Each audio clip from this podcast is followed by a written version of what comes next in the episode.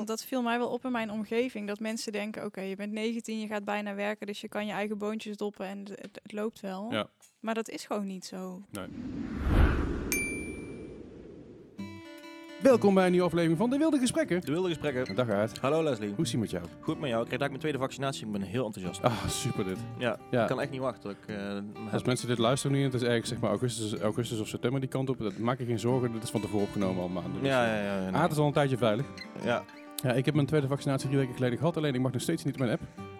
Nee? Want als volgens mijn app heb ik maar één vaccinatie gehad. Het is echt eh, die eh, corona-app. Ik heb denk ik inmiddels de afgelopen eh, anderhalve week pakweg 6,5 uur in totaal met, het, met de GGD en telefoon gehangen. Oh, gezellig. Ja, ze- dus in eerste instantie dachten ze dat ze mijn vaccinatie kwijt waren. Ik denk, nou, ik weet niet of jullie dan maar aangespoten hebben, maar wel iets. Ja. Dus ik wil zo graag willen weten. Toen hebben ze hem, uiteindelijk hebben ze hem gevonden, toen hebben ze hem geregistreerd. Alleen nog, niet, nog niet voor mij.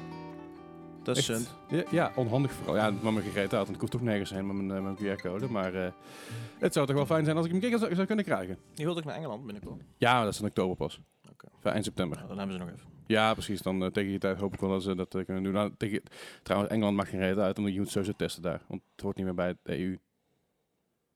Oké. Dus dat mag verder niet. Goed. Ja. hey, wie hebben we vandaag, vandaag aan tafel zitten, Aard? Eh, Sarah en Anouk. Hoi. Hallo, Hallo. Sarah en Hi. Anouk. Welkom. Jullie zijn eh, eh, buddies van stichting Villa Pinedo. Villa Pinedo. Ja. Ik, zeg altijd Villa Pineda op de een andere manier, maar het is Ja, Villa, veel mensen. Villa Pinedo. Villa Pinedo. Ja. Wat voor stichting is Villa Pinedo, Sarah? Ehm, het is een stichting die zich richt op kinderen van gescheiden ouders. Op kinderen van gescheiden Ja, ouders. kinderen van Echt specifiek de gescheiden- kinderen. Oké, en eh, jullie zijn buddies. Anouk, wat houdt dat in? Ehm, ja, dat betekent dat ik eh, als buddy eh, kinderen onder me heb die ik help. Dus ehm, als kids vragen hebben of ze willen een keer met je kletsen, dan kunnen ze zich aanmelden bij Villa Pinedo. Mhm. En via de app ehm, van Villa Pinedo hebben wij contact. Dus eh, een, aparte app of via WhatsApp? Zeg maar? Nee, een aparte app. Dan kan jij, kunnen ze jou een bericht sturen en dan kan je ze een, een eh, steunend woord Ja, een advies geven of een tip of gewoon even kletsen of Ja. een luisterend oor eh, bieden. Ja. Oké, mooi. Kunnen jullie wat meer vertellen over die stichting? Ja, is opgericht door Marcia Pinedo. Ehm Marcia heeft wel besloten eh, een paar maanden geleden om te stoppen als directeur. Hij blijft natuurlijk wel eh, aanwezig nog. Mhm.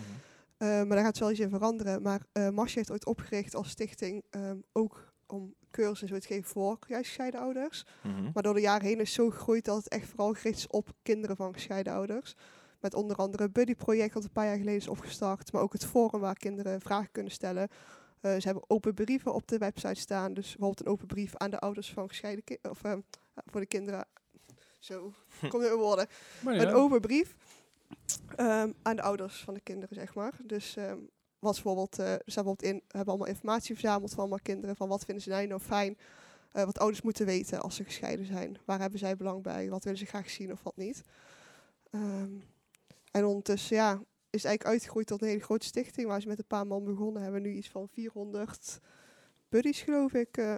Ja, 450 ja. buddies inderdaad. Ja. Zo. En dat die hebben, is best en die hebben allemaal twee of drie leerlingen, of eh, sorry, leerlingen, ik ben het denken, kinderen eh, van gescheiden ouders die, eh, die jullie helpen. Ja, Ja, meestal. Ja. Dat is fantastisch. Ja, we gaan het vandaag hebben over, hè, over het onderwerp is eigenlijk eh, scheiding of ouders die uit elkaar gaan. En dat Ja. gaat helaas te vaak, heel vaak en eh, op een niet fijne manier. En eh, het doel van deze podcast is eh, dat eh, we met jullie persoonlijke verhaal en jullie werk van de stichting misschien zowel kinderen als ouders als leraren, want we- veel leraren luisteren ook. ehm, of misschien gewoon vriendjes en vriendinnetjes. Hoe kun je een, een kind van een gescheiden ouder het beste helpen? Of misschien de ouders, want als de ouders geholpen zijn, is iedereen geholpen. Dus daar gaan we het vandaag over hebben. Ja. Ehm, kunnen jullie, ehm, zullen we beginnen bij jullie persoonlijk verhaal, zeg maar. Hoe, hoe zijn jullie bij die stichting terechtgekomen? Want dat is niet voor niks, want jullie zijn ook ervaringsdeskundigen. Ja, dat en klopt. Anouk, laten we met jou beginnen. Hoe, eh, hoe ben je hier terecht? Het begin van je ouders zijn dus gescheiden. En hoe, hoe is dat gebeurd? En hoe, hoe was het voor jou? En hoe ben je bij eh, stichting eh Villa Pineda te- terechtgekomen? Ja, ehm, mijn ouders zijn gescheiden toen ik 19 was. Ik ben nu 26, dus dat is zeven jaar geleden. Mhm. Ehm, ik ben enig kind ehm, en ik vond het heel lastig om ja, met die situatie om te gaan. Want uiteindelijk sta je er toch alleen voor. Ja. Je ouders maken die beslissing en jij moet er maar mee dealen.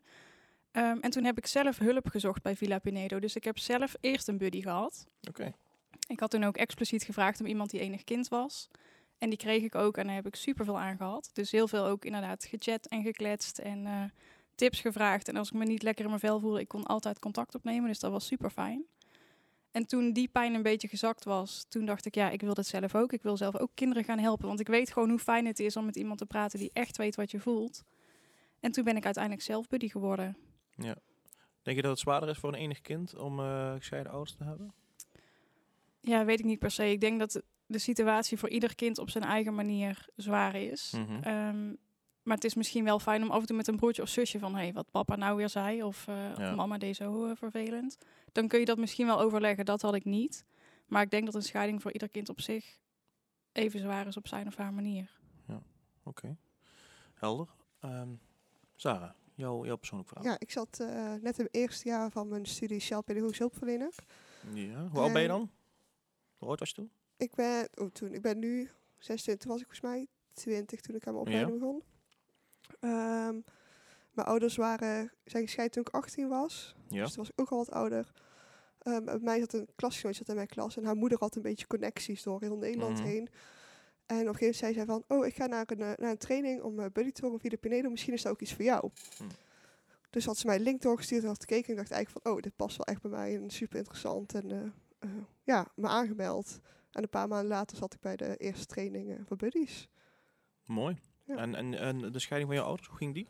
Ehm, ja, er was altijd al wel veel ruzie in huis, zeg maar. Ja. Ehm, ik heb niet zo niet zo'n goede band met mijn vader ook nooit gehad. Dus ik had veel ruzie tussen mij en mijn vader.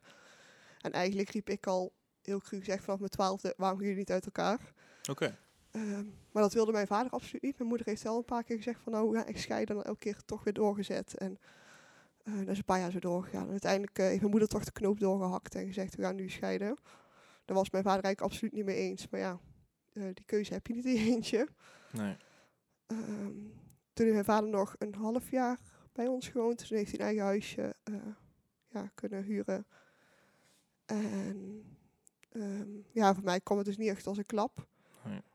Ehm, ja, ik zag het eigenlijk al aankomen. Ik voelde het aankomen. En het was meer een opluchting. Een opluchting. Ja, ja, ja, klinkt heel gek misschien. Nee, nee, nee, maar dat, dat hoor ik inderdaad wel vaak. ja, er was gewoon heel veel ruzie thuis. En eh eh, was fijn dat die ruzie er niet meer was, zeg maar. Ja, rust in de tent. Ja, Nee, ik heb wel- Duidelijkheid. Ja, zeker. Ik heb nog een zusje van twee jaar jonger. Mhm. Ehm, die vond het wel moeilijk.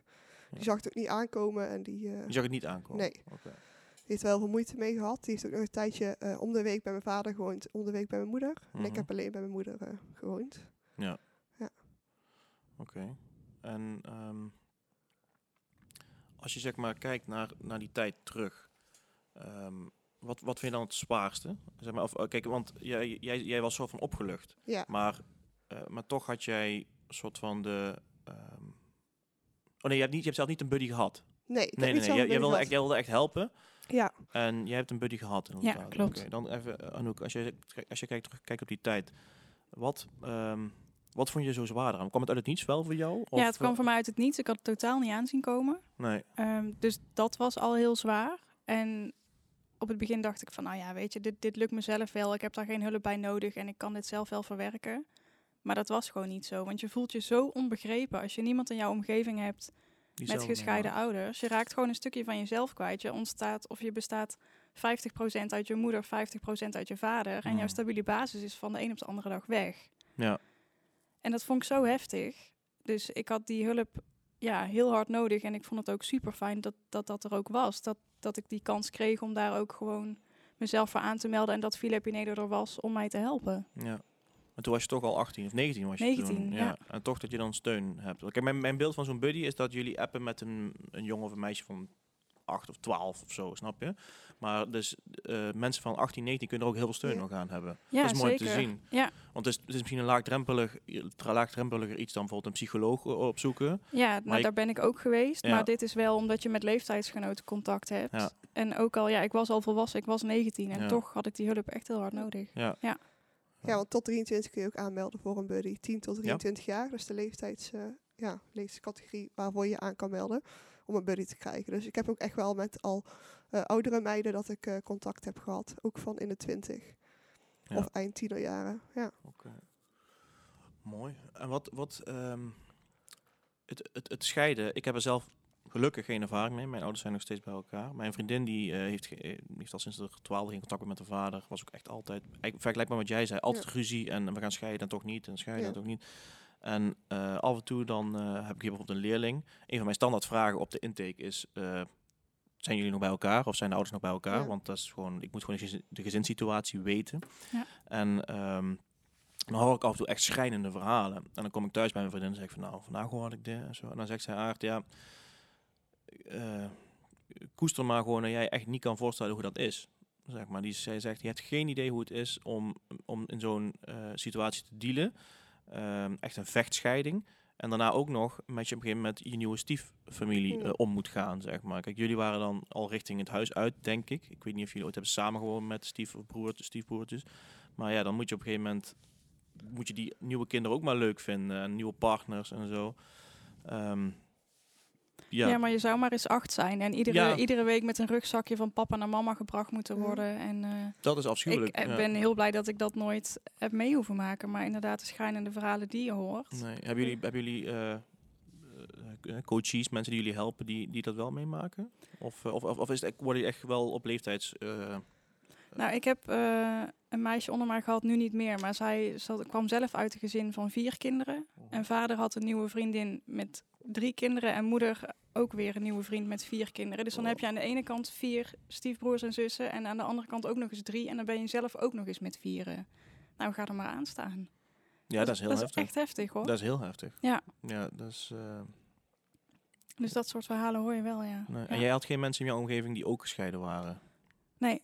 Nee, dus je kon er ook niet even mee praten. Dus dat, wa- dat was Villa Pinedo echt een uitkomst. Ja, ja. Oké. Ehm, wat ehm, we- we- weten jullie wat, wat de meest gemaakte fouten zijn tussen in huwelijken, zeg maar, of relaties? Dat je denkt van, eh, di- di- dit horen we zo vaak terugkomen van, dit, dit kunnen we ook als, als tip aan ouders meegeven, zeg maar. Ja, we zijn van- natuurlijk geen relatie-experts. Nee. Maar een van de meest voorkomende dingen die ik hoor is gewoon communicatie die gewoon niet werkt. Gewoon heel veel ruzie of gewoon negatief onderling over elkaar praten, vooral ook als ze gescheiden zijn. Mhm. Dus dan ook echt merk dat een kind heel vaak een postduif is van de ene ouder voor de andere. En andersom.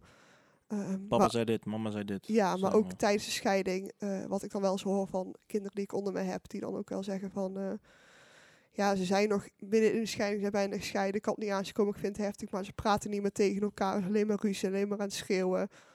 En dat is toch wel wat ik het vaakste hoor eh, Ja. bij de kinderen waarmee ik chat. Dus ik denk dat communicatie gewoon een van, ja, het niet communiceren of het, of het verkeerd communiceren een van de, de meest gemaakte fouten zijn in dat opzicht. Nee. Ja, dat denk ik ook. Daar kan ik wel bij aansluiten. Ja. Ja, communicatie. Ja. En ehm, was, dat, was dat bij jullie ook zo? Dat, dat het zo de scheiding ging? Of was het echt een break van we praten niet meer met elkaar? Of, of, eh, Nee, mijn vader stond dus ook niet achter de scheiding, dus die heeft Mhm. ook heel lang wel geprobeerd om contact met mijn moeder te houden, zeg maar. Ehm dat is een tijdje nog wel redelijk goed gegaan, maar op een gegeven moment ging het een beetje de verkeerde kant op. Ehm toen heeft mijn moeder er ook wel meer een punt achter gezet en meer die stap teruggenomen. Ehm, en nu praat ze eigenlijk niet meer echt met elkaar. En vaak hoor je wel, zelfs nu op mijn leeftijd hoor ik nog allebei ze wel negatief over elkaar praten. ja. En dat is niet heel vaak, maar als dan de een of de ander te sprake komt, dan is het altijd wel. Ze proberen altijd wel een beetje net die punten op te zoeken van, oh kijk, maar ik doe dit beter, oh kijk, ik doe dit beter. ja. En dat is zelfs nu nog, na al die jaren en nu dat ik en mijn zusje al bij wel goed vasten zijn. Ja, ja, nee, maar kijk, eh, wat misschien scheelt bij jullie leeftijd dat er ook geen, geen dingen meer spelen zoals eh, alimentatie en dat soort dingen, toch? Ja. Dat is, eh, ja, bij mijn zusje toen nog wel. ja, toen nog, maar nou niet meer, denk Eh, ik. hè? nou niet meer. Nee. Dan, Nee. is, dan is het misschien ook makkelijk om afstand van elkaar te nemen. Want het is misschien ook heel pijnlijk als hij iedere maand geld moet betalen en ze heeft een nieuwe partner, als hij het er niet Ja. mee eens was. En ik heb niet per se over jouw vader, maar over in het Ja. algemeen.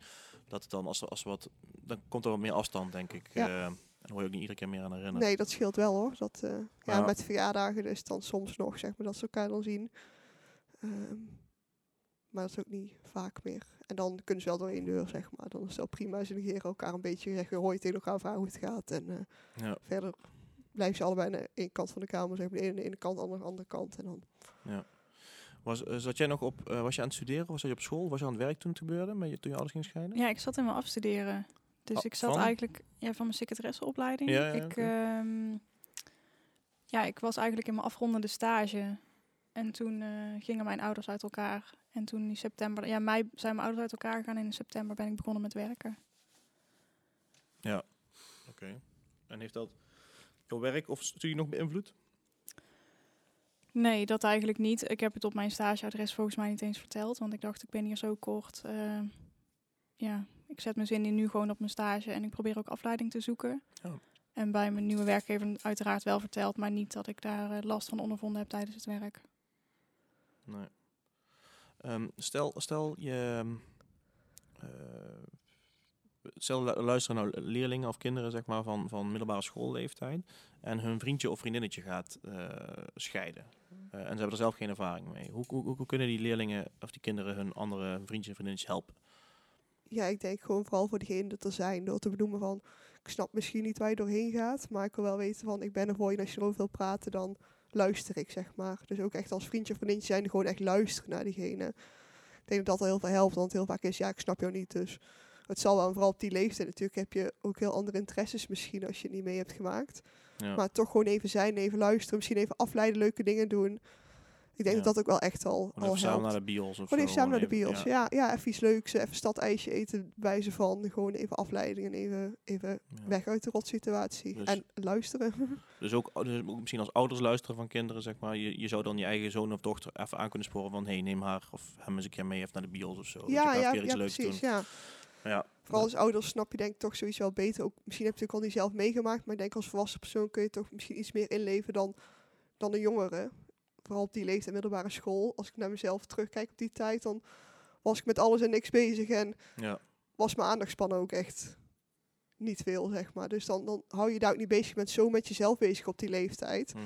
Dus dan is het als ouder juist misschien wel goed inderdaad om je kind even aan te sporen. Hey, eh, weet je wel eens van, je vriendje gaat even door iets moeilijks heen. Ja. Ga even iets leuks doen. Even, luister even naar hem. eh, nodig hem een keer uit voor het eten, bij wijze van. Ja. Ja. Nou, dat is, dat is een goede tip, denk ik. Terwijl ik aan de andere kant ook denk dat, net als een buddy bij Villa Pinedo is onafhankelijk. Mhm. Ik ken de ouders van het kind waar ik mee chat niet. Oké. Terwijl een vriendje kan juist misschien kant gaan kiezen. Voor Ja, vader of voor moeder. Dus ne neutraal is soms Ja, ook gewoon dat- goed. dat is Neutraal kan ja. ook heel fijn zijn, Ja. want Ja. ehm, ik vorm geen mening over de ouders van de kinderen waar ik mee chat, omdat ik ze ook niet ken. Ja. En een vriendje doet dat misschien wel, die kan kant gaan kiezen. Ja, die kan maar die is misschien sneller beïnvloedbaar door factoren van buiten, buitenaf. Ehm, Ja. Ik, ik, ik, kan, me- ik kan me herinneren dat ik vroeger, eh, ik had een, een vriendje van me van de basisschool, die had gescheiden ouders. Ja, inderdaad, als we bij die vader thuis waren, was het feest. Dat was echt super. Weet je, je kon alles voor elkaar krijgen daar. We kregen alles, alles te eten wat we wilden, alles te drinken. We mochten kijken wat we wilden, maakte me geen reet uit. Maar die moeder was best wel streng. Dus je mocht niet, eh, niet super lang tv kijken, moest ik in de buiten en buiten gaan spelen. Je werd niet gesnoept tussendoor van ook of vlak voor het eten. Dus dan ga je als kind, zie je alleen maar, als kind buiten dat gezin, Ja. zie ik ook, ook alleen maar natuurlijk de leuke dingen die er gebeuren. Ja, dus als je s'avonds naar het eten weer weggaat, weet je begot niet wat er gebeurt. Dus dan ga je ook automatisch natuurlijk een kant kiezen wat de neutraliteit weer een beetje weghaalt. Ja. lijkt me. Ja, het is, eh, dat, is, dat, is- dat zie je wel vaker, hè? Dat, dat er bij de, eh, als ouders uit elkaar gaan, dat dan vooral heel erg de op, verschillende opvattingen en opvoeding naar, naar voren komen, zeg Ja. maar. En, en inderdaad, vaak, stat- statistisch gezien, eh, zijn ze vaker bij de moeder dan bij de eh, vader. Mhm. En dan wil de vader natuurlijk ook een leuke tijd hebben met Ja. de leerlingen. En dan, vind, dan denken ze, ik wil bij papa gaan wonen. Met de kinderen. Eh, wat Niet- zijn? Niet leerlingen. Ja, sorry, ik ben denk zo een leerling. Maar, eh, maar dan denken ze natuurlijk wel bij papa gaan wonen. Dan is mama gekwetst. Want ja, dat is logisch. Want ja, daar doen ze alleen maar leuke dingen. En hier moet je ook Ja. de was opruimen en dat soort dingen. Dus, eh, en daarom maken ze toch ook een, vaak een ouderschapsplan, hè? Toch? Als, als je uit elkaar gaat. Ja, vaak eh, moet je een mediator. In ieder geval mijn ouders moesten ook voor mijn zusje. En dan moesten ze inderdaad samen een plan opstellen van... eh, eh, wanneer mijn zusje bij wie was en eh, hoe ze dat aan gingen pakken. En, Ja, doen ze dan ook huishoudelijke klusjes en zo verdelen? Of, of, nee, of, volgens mij... of wat je moet eten of zo? Ik weet niet tot hoe, hoe diep gaat dat. Ja, ik was natuurlijk zelf niet bij omdat het om mijn zusje ging. Ja. Maar volgens mij is het wel echt gewoon een beetje de basis van... Mijn zusje mocht natuurlijk ook zelf kiezen eigenlijk bij wie ze ging wonen. Het is afgesproken de ene week daar, de andere week daar. Eh, afgesproken wat mijn vader bijdraagt, geloof ik, eh, bij de mediator. Ehm, ja, ik een beetje baasdingen van, ook met ehm, volgens mij vakanties, als ze gewoon mee mogen op vakantie. Ehm, en ook met school, als ze dingen af gingen ronden of ze allebei er naartoe gingen. En eh, hoe ze door met elkaar door één deur gingen. Ze hebben ook samen veel gesprekken gehad zonder mijn zusje. Mhm. Maar, maar dat precies Bij allemaal zo'n zo in de- mediator zit jouw zusje erbij. Ja, één, keer- één of twee keer heeft ze erbij gezeten. Omdat zij natuurlijk ook eens moest zijn met de afspraak. Omdat Ja. zij al 16 was. Mhm. Vanaf wanneer mag je eigenlijk kiezen? bij wie je blijft? Van welke leeftijd is Ja, dat? volgens mij is er officieel geen leeftijd dat je mag kiezen, want dat Ah, oké. bestaat niet. Maar ehm, volgens mij vanaf je twaalfde kun je opgeroepen worden om bij de rechter je zegje te doen. Ah. En dan mag je wel een voorkeur uitspreken, maar uiteindelijk wordt zeg maar door de rechter of door je ouders bepaald wanneer een kind waar. Ligt er ook een beetje aan de situatie. Ja, ja. Is het gewoon een veilige thuissituatie en is dat ook zeg maar eh, oké, dan kan dus ook geschetst worden van oh, nou om de week of elk weekend bij die of wat dan ook. Ja. Maar daar heb je als kind wel een voorkeur mag je uitspreken, maar je hebt geen eigen keus. Ja, precies. En ik met mijn zus die, eh, en, en haar ex-vriend, die zijn uit elkaar. Ze zijn nooit getrouwd geweest, maar wel een kind samen. Ja. Het is niet letterlijk gescheiden ouders, maar ook weer wel. Want die hebben ook dat soort regelingen met elkaar. Van dan gaan ze daarheen, dan gaan ze daarheen. Ja. Eh, hou daar rekening mee, hou hier rekening mee. En met school natuurlijk. Mijn zus heeft een nieuwe vriend, die woont in Limburg. Dus dat is on- su- Ja. super onhandig, want ze, dat kind, eh, haar, haar vader Ja. woont in Nune. Maar daar wordt allemaal heel netjes afgesproken met elkaar. Dus dat is heel prettig. Maar hebben jullie ook dan te maken met kinderen die van een gescheiden gezin komen? Niet zozeer van ges- gescheiden ouders, maar ook gewoon eh, zoals moeder en vader die samen waren, niet getrouwd waren, wel uit elkaar waren? Of is dat weer een ander verhaal? Nee, Nee, dat is dat- hetzelfde. ja. Die komen ook, ook gewoon met. Ik weet niet of daar regels voor zijn of Ja. wat dan ook. Of, of dat er andere gradaties in zijn. Ja, ooit van. is het wel begonnen echt als eh, voor kinderen van gescheiden ouders, echt in Ja, ja. scheiding. Maar ondertussen is het ook inderdaad kinderen die een ouder verloren hebben of kinderen die uit een gebroken gezin komen die Ja, nooit getrouwd Dat zijn. was mijn Ja. volgende vraag inderdaad. Van als Ja. er een ouder overlijdt, zijn die dan ook. Wat goed. Zou jij er behoefte aan gehad hebben, Leslie? Hoe oud was je toen je vader overleed? 24. 24. Eh, ik had er wel behoefte aan, maar ik drukte alles weg. Dat is bij mij veel later uitgekomen. Ja? Ik heb een jaar lang heb ik alles weglopen stoppen. Dus van, nou ja, weet je, wat je niet ziet is er niet. Dus, eh, dus doe het maar gewoon weg. En dan, eh wow, weet je. Maar het probleem is, wat je niet ziet is er niet. Dat stop je weg. En dat, Ja. is, dat is zelfs met je kamer opruimen. Je kan alles onder je bed schuiven, maar op een gegeven moment pelt het ook uit. Ja. En eh, dat is bij mij echt eh, een jaar lang, een jaar lang eh, ehm, oogkleppen op, gewoon doorgaan. En eigenlijk alles wat mijn vader altijd deed. Ja? Dus mijn vader was ontzettend... eh, ja, die, die deed gewoon alles toch, weet je. Ook al waren dingen mis, hij ging gewoon door. Ja. En dat was een beetje hoe ik het deed. Alles wat mijn vader eerst deed qua zakelijke dingen of qua, nou, qua zakelijke dingen, qua fina- financiële dingen of qua dingen regelen en eh, instanties bellen of wat dan ook, dat deed ik allemaal. Weet je, de, de, de, de kwartier nadat mijn vader overleden was, toen was ik alweer aan het bellen met alle instanties om het allemaal te regelen. Ja? Ik heb gewoon geen seconde tijd gehad om, om, om te rouwen, zeg maar. Dat is, dat Heb je die genomen? niet genomen, nee, niet genomen. Nee, absoluut niet. En dat, is- dat is denk ik een manier van kopen geweest in mijn, in mijn geval. Ehm, maar dat is echt een jaar of anderhalf later. Toen kwam het er allemaal pas, pas een beetje uit. En dat was eigenlijk op het moment dat ik, dat ik nuchter was. Zowel ik qua gedachten als, als gewoon nuchter, nuchter. Hmm. Ehm, pas toen bes- besefte ik een beetje wat er gebeurd was en, en hoe ik daarmee om moest, ga- moest gaan. Hmm.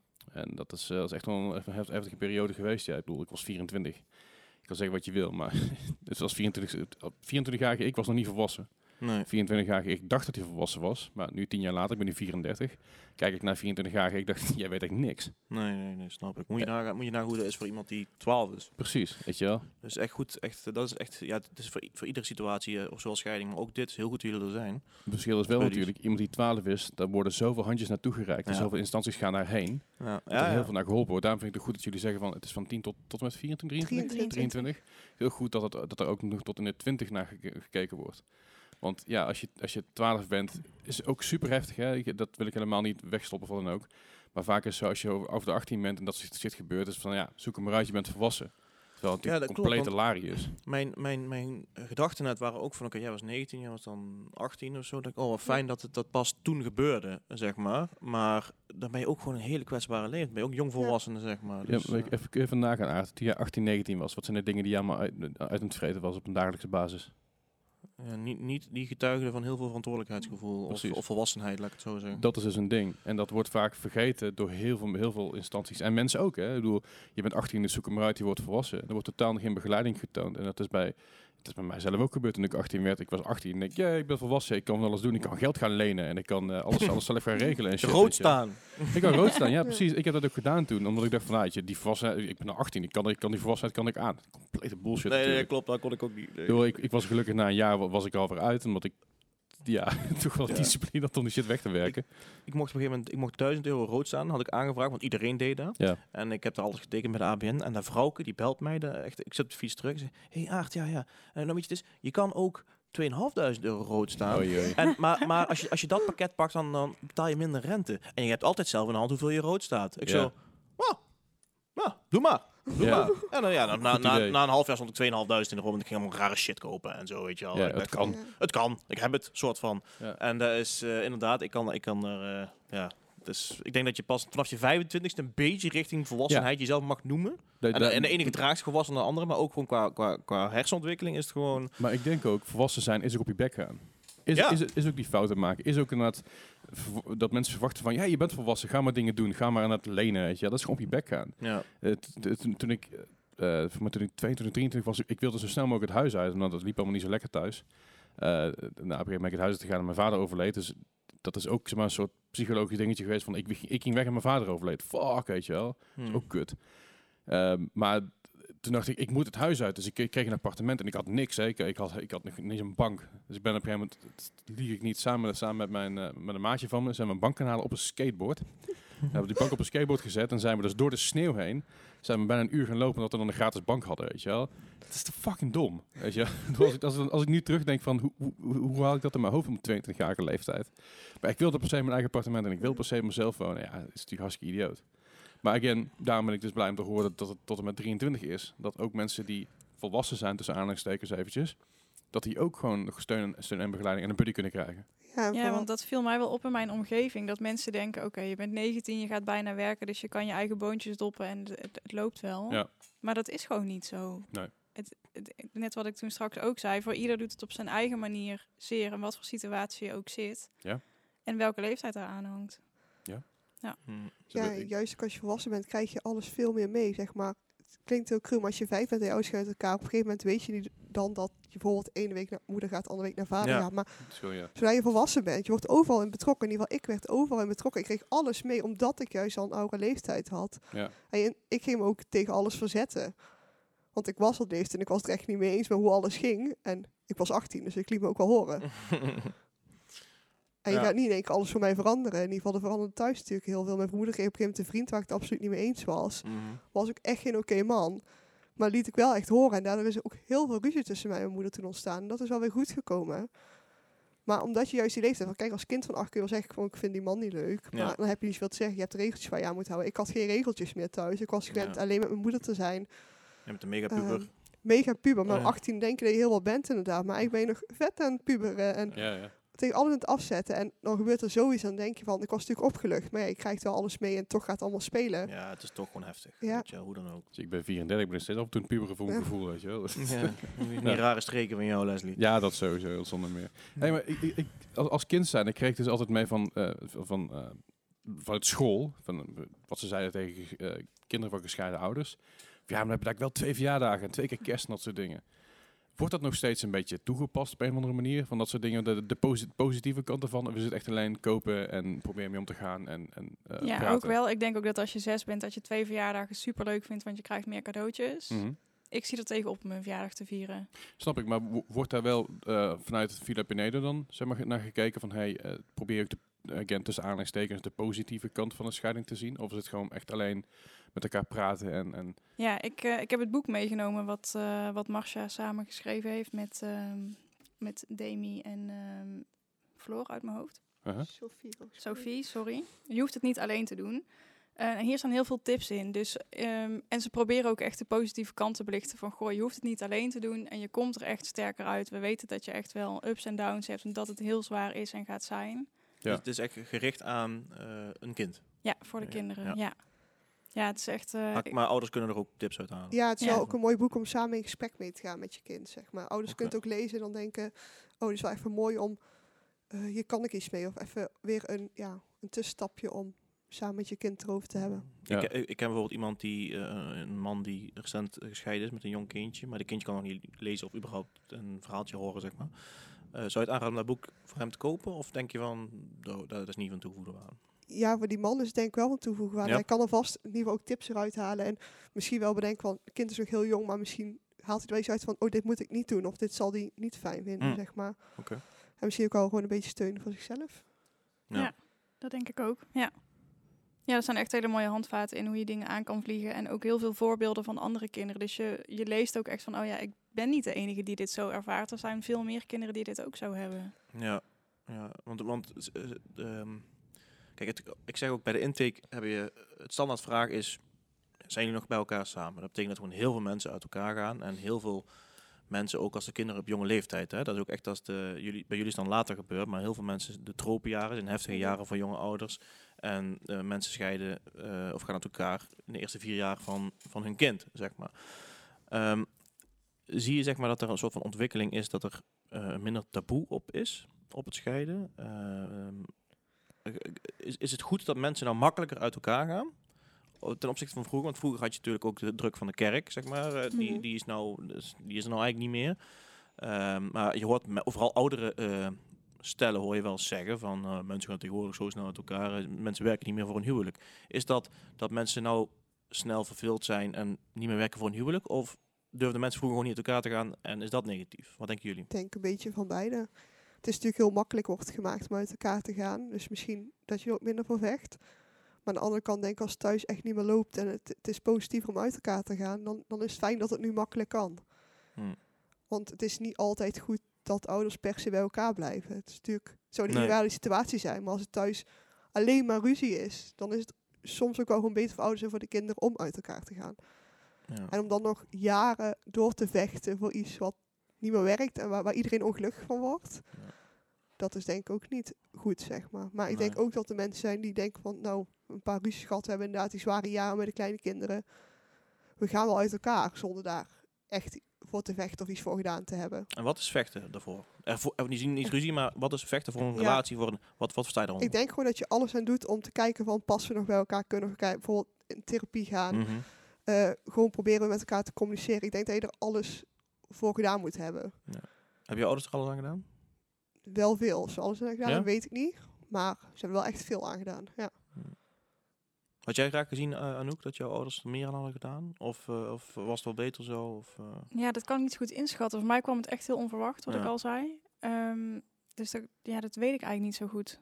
nee. Of ik, of ik dat anders had gewild of niet. Op dat moment is het gewoon zo en moet je daarmee dealen. Ja.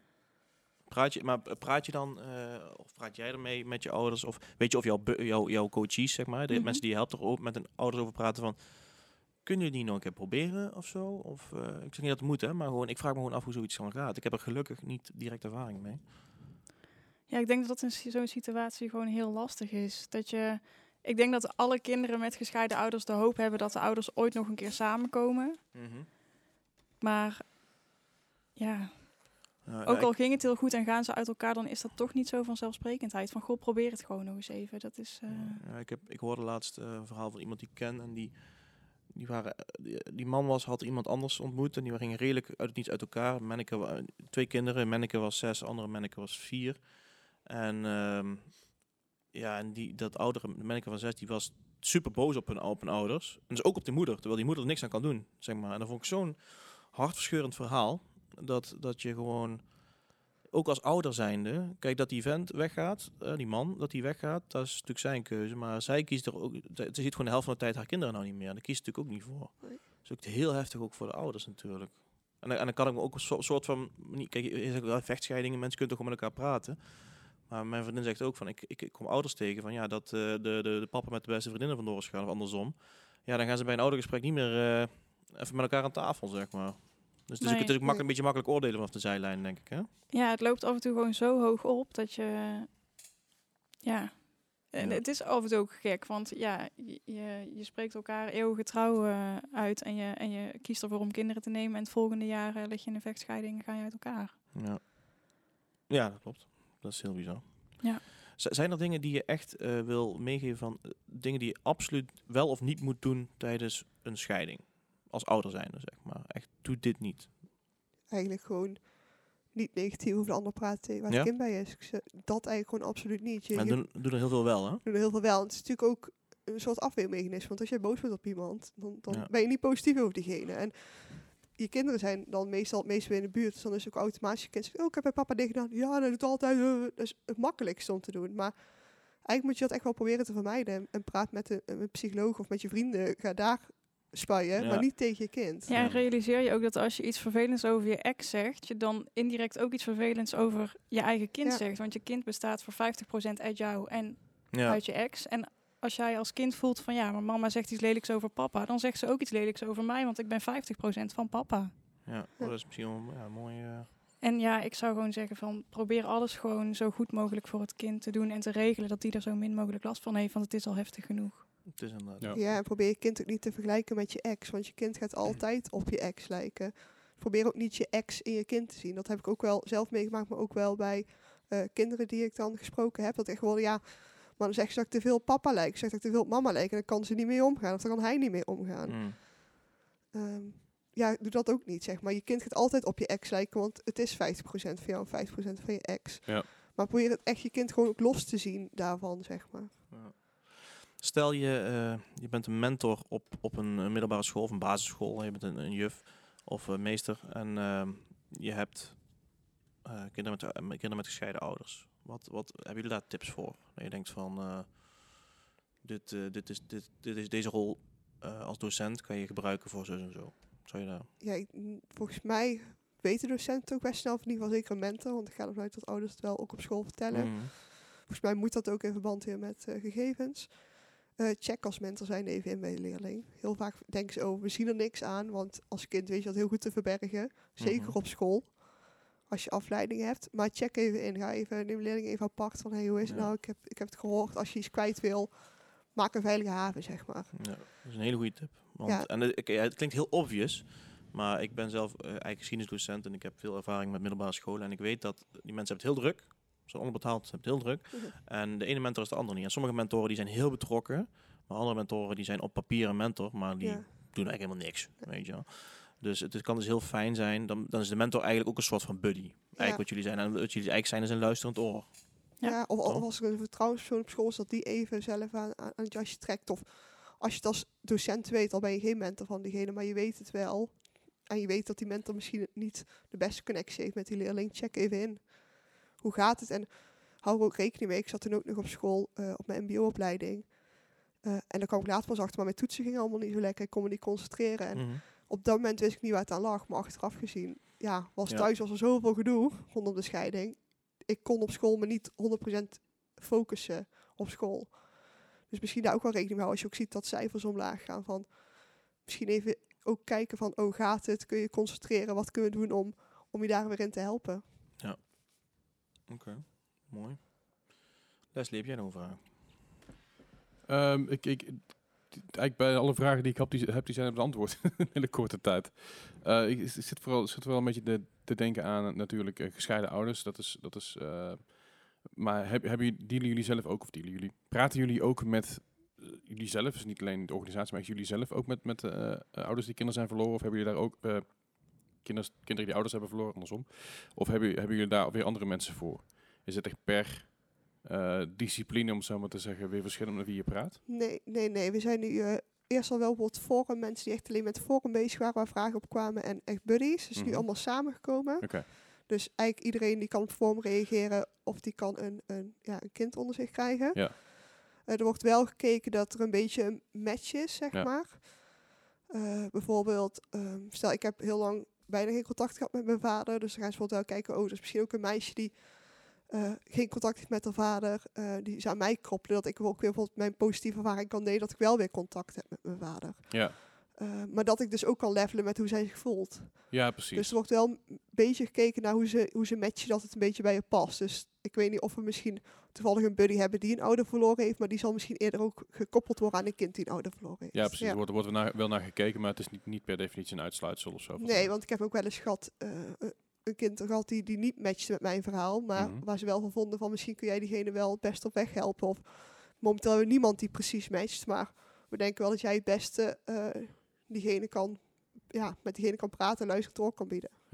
Want, eh, hoeveel, hoeveel, hoeveel buddies eh, heb je? Of in ieder geval, zeg maar, hoeveel, met hoeveel eh, kinderen, Kinderen- praten jullie? Ik heb momenteel drie. Drie. En ik Ja? twee. Twee. En dat is een, een beetje het gemiddelde, twee, drie, soms vier, soms één. Ja, Ja. ik heb er ooit vier gehad, soms één. Ligt er ook net aan hoe lang het kind behoefte heeft aan contact. Dus ze bepalen zelf wanneer ze klaar zijn met het contact en geen contact meer willen. Oké. Dus eh, En hebben jullie ook wel eens dat, dat zeg maar, ehm, dat je iemand, gebeurt bij de stichting misschien niet bij jullie, maar dat wel eens gebeurt van, ja, de, dit, dit, deze heeft zoveel problemen en issues, die moet ik echt even doorsturen, Ja. zeg maar. Ja? ja, dan zijn wij ook niet verantwoordelijk, want wij zijn ook geen, geen hulpverlener in Nee. dat opzicht. Ik heb wel die opleiding gedaan, maar ik ben geen hulpverlener in mijn Mhm. rol als buddy. Mhm. Als ik iets zorgelijk zorg, ik heb bijvoorbeeld een meisje gehad, eh, die praat over zelfmoord. dan, nou, dan bel ik direct met Villa Pinedo. ehm, het gesprek wordt zorgelijk. Willen jullie alsjeblieft meelezen en contact opnemen met haar? En Mhm. dan eh, nemen zij contact met diegene op. En dan gaan ze hun, ja, diegene doorverwijzen naar van... het is misschien goed voor jou om met die en die te praten. Hier heb je telefoonnummer, kunnen wij eh, je koppelen aan iets, zeg maar. Dan Ja. houdt het voor ons ook op, zeg maar, als Mhm. buddy. Ja? Ja. Dan hoeven wij ons daar niet mee in te bemoeien. Dat mogen we ook niet. Want daar Nee, zijn nee, we dan dat de meesten zijn niet voor opgeleid, laat het ook zo zeggen. Nee, nee, snap ik. Dan is het echt de taak van, van ja, hoofdkantoor Villa Pinedo, die daar zitten van, oké, nu is het voor hun. Ja, die doorsturen naar hulpverlener Ja, en daar ja. uiteindelijk... eh Wauw. Eh, maak je vaak van dat soort dingen mee, je, dingen, dat je mensen door moet sturen? Of, of valt het mee? Ik heb dat gelukkig nog niet meegemaakt. Ik heb het twee of drie keer meegemaakt. En ik ben nu volgens mij via buddy, dus Vier. ja. Hoe, lang hoe lang ben jij bij doen? Drie jaar. Drie jaar, oké. Kom je, ja, ik zeggen, kom je goed weg eigenlijk als je dat soort dingen natuurlijk... Nou, gelukkig wel, ja. Lijkt me heel heftig, want dat, dat soort dingen neem je ook al mee, lijkt me dan. Zeg maar, als je, als je er klaar bent, eh, aan het eind van de dag, bij van, eh, dat je dat nog wel eventjes, eventjes eh, meedraagt met je. Ja, ja. Probeer het wel los te laten. Het scheelt natuurlijk ook wel dat ik dus wel een opleiding eh, in hulpverlening heb gedaan. Dat scheelt wel, ja. Eh, maar ik heb wel één keer gehad dat ik ook echt meteen naar Villa Pinedo geweld een hele rare situatie had. En dat dat wel nog even doorgespeeld heeft. En dat ik ook nog wel even met, eh, met het kantoor daarover gebeld heb. En even, even ja, te bespreken hoe het nu allemaal gegaan is en wat er gebeurd is. En, eh, Ja, Ja, je bouwt ook wel een band op met die kinderen, vind ik. ja, dus ja. buiten de app om hebben we geen contact met ze. Dus niet via social media of WhatsApp of echt alleen via de app. Maar Mhm. toch, ja, je sluit zo'n kind wel echt in je hart. Snap ik wel, want praat hij wel onder je eigen naam?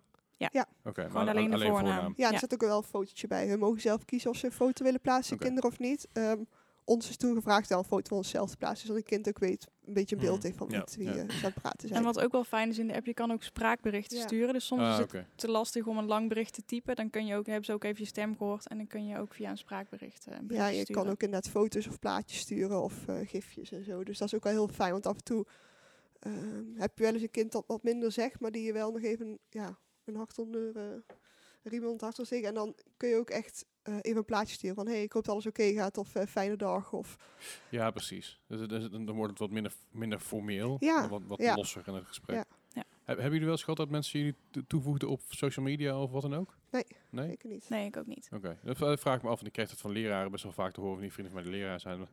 Kinderen proberen toe te voegen. Ja, Ja. dat gaat gewoon niet gebeuren Ja, in principe maar- weten ze onze woonplaats niet, ze weten onze achternaam niet. Dus het is wel heel moeilijk zoeken, denk ik, eh, op social media. Om, eh, ja, oké, dat scheelt dat jullie dan ook aan Sarah heten. ja. Ik bedoel, voor, voor mijn geval is het iets makkelijker Ja. waarschijnlijk. ja. Nee, ja, dat, eh, wa- dat wa- was, ik wel, was, was ik wel even benieuwd naar.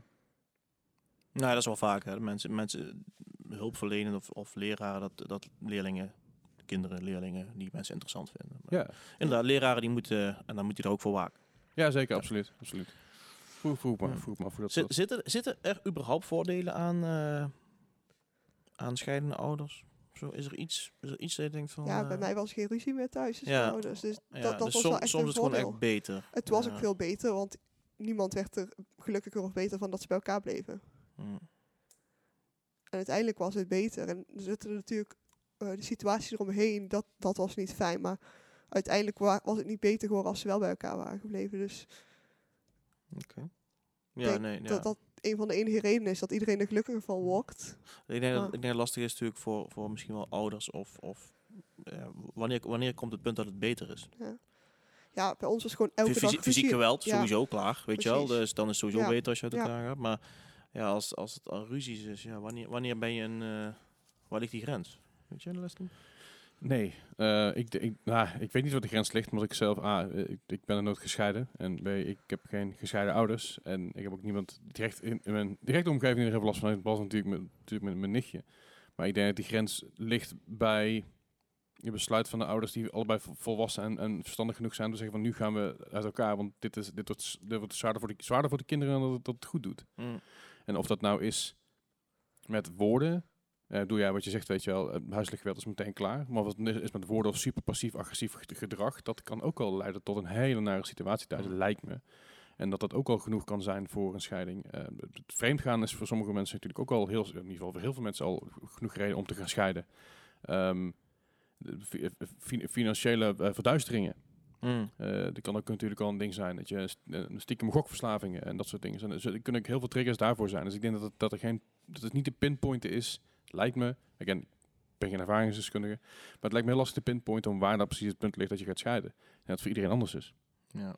Weet je, als je nou met een gokverslaafding rondloopt en vervolgens blijkt dat, dat je nog een heleboel eh, bij, bij vrienden thuis leggend jatten bent, ja, weet je, dan, dan, dan heb je het al heel lang volgehouden, denk ik. Ja.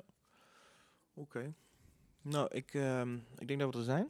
Ik denk het Eh, ook ik, ik, ja. ik heb een heel interessant gesprek gehad en eh, ik heb gefascineerd zitten luisteren. Ik hoop, jullie zijn nou jullie 400 buddies, twee leerlingen, dus jullie hebben 800 leerlingen. Of, leerlingen, 800 kinderen helpen jullie Ja. nou. Hoeveel hebben jullie in totaal al geholpen, denk ik, als stichting?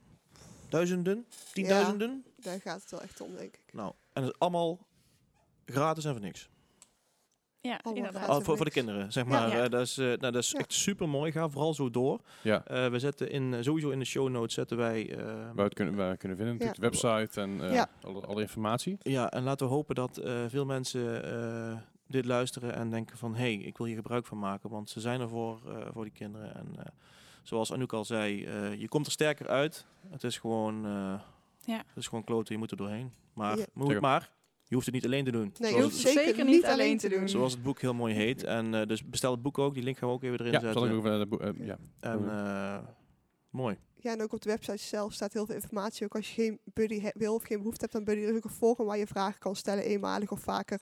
Eh, zoals ik al zei, staan open brieven voor tantes, voor ouders, voor noem het maar op, zeg maar. Je kan heel veel, heel veel ook vinden voor jezelf. En, en als ouder zijn, maar ook als, als, als kind Mhm. zijnde van gescheiden ouders. Ja, heel mooi. Nou, dat is super. Dat is gewoon echt even Villa Pineda. Pinedo. Pinedo. Pinedo. Ja. Villa Pinedo. het, het- je gaat het één keer goed doen. Dat komt Ja, heel goed. ja, ik weet, het is- komt door die Villa. Vi- vi- Villa. Villa. Villa, Ja. Pineda. Ik zeg maar de enige Pinedo die ik ken, dat is volgens mij een honkballer. Dus Pinada. Pinedo. Maar ik heb Pinedo volgens mij. Maar Villa. Pineda. Maar niet uit. Villa Pinedo. Villa Pinedo. Villa Pinedo. Zeker weten. Kijk naar de link, kijk op social media. Leslie, Ja, take, it away. Zeker weten. Uh, ik, dank jullie dat jullie er waren vandaag. Super fijn. Zet alles in de show notes. Ik wil nog even alle luisteraars bedanken eh, dat, je, dat je luistert naar deze podcast. Wil je meer horen over ons? Abonneer dan ook op ons kanaal. Dat kan op YouTube, dat kan op Spotify, dat kan op Soundcloud, dat kan op iTunes. En natuurlijk op Instagram kun je ook ons, ons volgen. En daar zie je ook allerlei dingen voorbij komen. Onderwijs. Vergeet ik niet even de upvote, duimpje omhoog en, eh, en dat soort dingen. Het goed voor het algoritme dat er meer van dit soort leuke podcasts kunnen doen. We hebben nog wat aardig, aardig wat, eh, wat interessante gasten in, in, in de pijplijn zitten. Jazeker. Dus eh, ja, abonneer je vooral. Yes. Ja, dankjewel voor het aanwezig zijn. Ja, bedankt. Sarah en ook allebei, dankjewel. Heel erg bedankt. Super tof. En dan horen jullie ons volgende keer weer. Dankjewel. Dankjewel. Doei.